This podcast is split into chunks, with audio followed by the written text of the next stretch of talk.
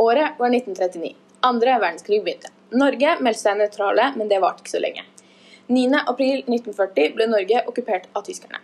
Norge skjøt krigsskipet Blücher fra Oscarsborg ute i Drøbaksundet. Kongen og regjeringen skulle ikke gi seg.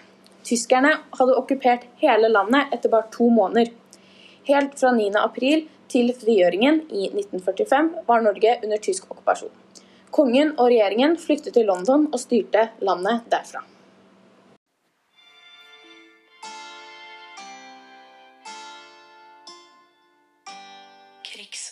Krigsoppgjøret. Hva vet de ulike generasjonene om Norge under andre verdenskrig? Jeg vet at uh, krigen i Norge den varte fra 1940 til 1945. Uh, Norge ble erobret av uh, Tyskland, og de eh, overtok jo makten i, i Norge i den perioden. Eh, kongen og de som regjerte i Norge, de dro til England eh, og prøvde så godt de kunne å styre landet derfra.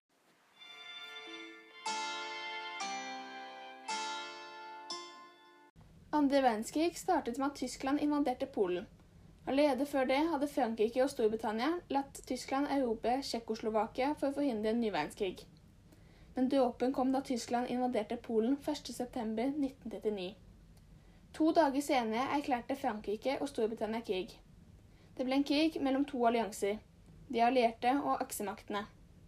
I de allierte sto bl.a. Frankrike, Storbritannia, Sovjetunionen og USA, mens i aksemaktene var det bl.a. Tyskland, Italia og Japan.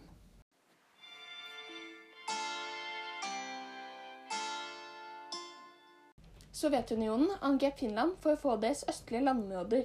Storbritannia og Frankrike ønsket å hjelpe Finland ved å sende tropper gjennom Norge og Sverige. Norge ville også hjelpe Finland, men hvis de lot Frankrike og Storbritannia marsjere gjennom landet, ville Norge blitt innblandet i krigen. Dette tok ikke Norge sjansen på, og lot derfor ikke de to stormaktene marsjere gjennom landet.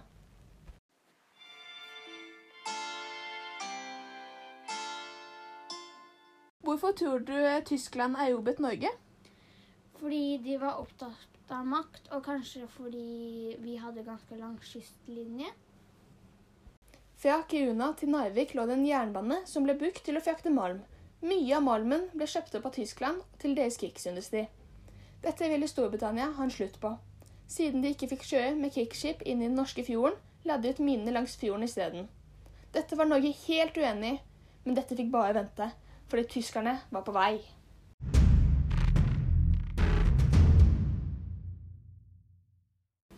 april 1940 var Norge under angrep.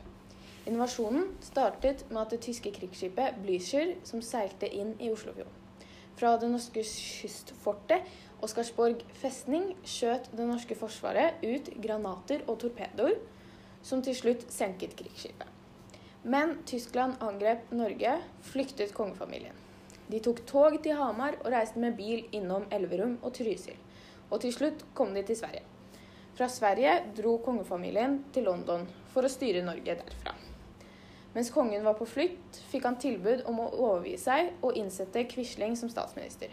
Det endte med at kongen sa nei. Han visste at Quisling ikke hadde støtte fra den norske befolkningen. Han ville miste det han hadde trodd på i de 35 årene som han hadde vært konge.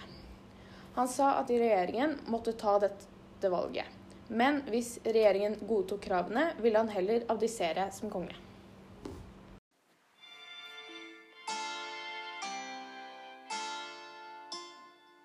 Norge ble styrt av Josef Terboven når Norge var under tysk okkupasjon. Han fikk da tittelen rikskommissær. Han kunne støtte seg på det tyske undertrykkelsesapparatet, der Gestapo var den som ledet det hele. Alle de norske partiene ble forbudt utenom Nasjonal Samling, bedre kjent som NS. I Nasjonal Samling var det Vidkun Quisling som var leder. Quisling fikk, fikk besette all statsrådspostene og omvendte det norske folk til nasjonalsosialismen.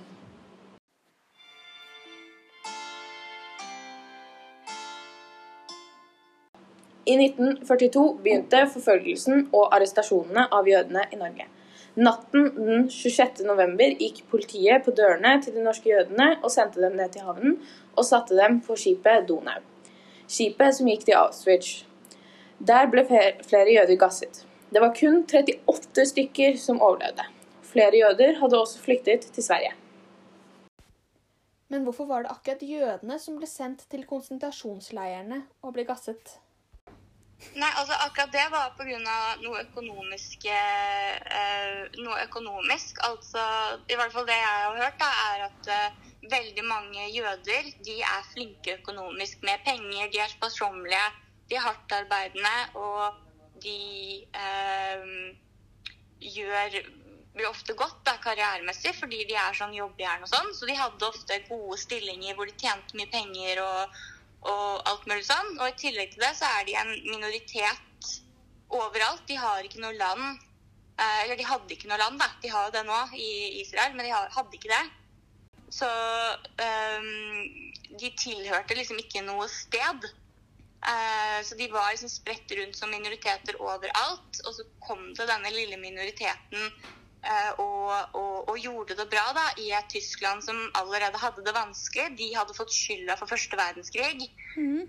og det var mange som kanskje ikke hadde det så bra i Tyskland fra før av. Og så ser de disse fra en annen minoritet som gjør det bra og, og tjener mye penger og sånn. Og så ble det en sånn bølge at man begynte å fremstille jødene eh, med eh, liksom bilder av avisen og sånn, med liksom store pengesekker og sånn stygt smil og store neser, og begynte å latterliggjøre dem litt og, og alt det der. Eh, og liksom Altså, Tyskland hadde jo fått skylda for første verdenskrig, da, så jeg kan jo kanskje se for meg at de ønsket at skylda skulle komme på noen andre. da. Ja. Um, så det er liksom det jeg har hørt, da. Hvorfor akkurat de?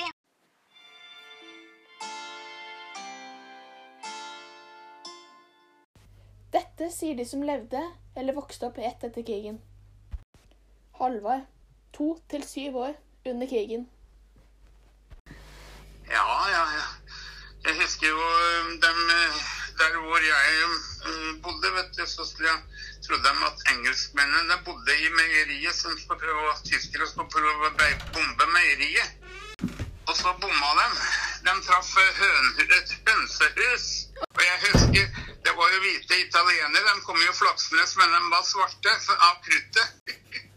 Det husker jeg. Det er spesielt jeg husker. Ja. Blitt svarte av kruttet. Ja, fra bomba. Ja. Skjønner. Ja, Er det noe mer du husker? Jeg, eh, jeg husker Jeg husker vi prøvde også å lure, lure tyskerne. Vi pissa på flasker og skulle nare dem og si at det var brennevin, for de var ute etter Det var jo også så rart vi fant på det. Ja. Men eh, det var jo liksom i, i 43-44. Og de, de bodde jo på, på, på altså forsamlingslokalet. hvor der de hadde uh, bodde, da. Og så hadde de, husker jeg, de hadde geværene sine stående ute med, med spissene mot hverandre. Så lagde en pyramide av geværene sine da, som sto ute. Men var det ikke redde for at uh, tyskerne skulle gjøre det nå? Ja, de, de, vi var jo bare unger som tok det, og de skjønte jo at det var bare tull, vet du.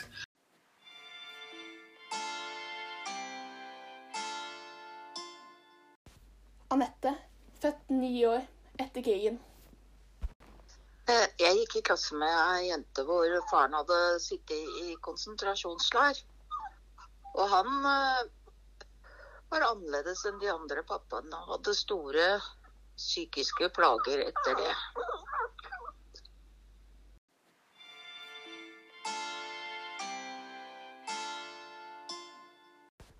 Gunhild, født fire år etter krigen. Eh, siden du vokste opp noen år etter krigen, merket eh, du noe av dette når du vokste opp? Nei, det gjorde jeg ikke, for jeg vokste opp på en gård. Så vi hadde jo nok av mat, og klær fikk vi gjerne to ganger i året.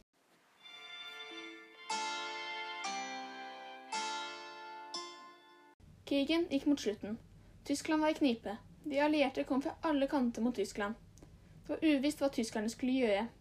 Det endte med at de overga seg natten mellom 8. og 9. mai. I dag markeres frigjøringsdagen 8. mai. Den markerer frigjøringen av Norge etter den tyske okkupasjonen mellom årene 1940 og 1945.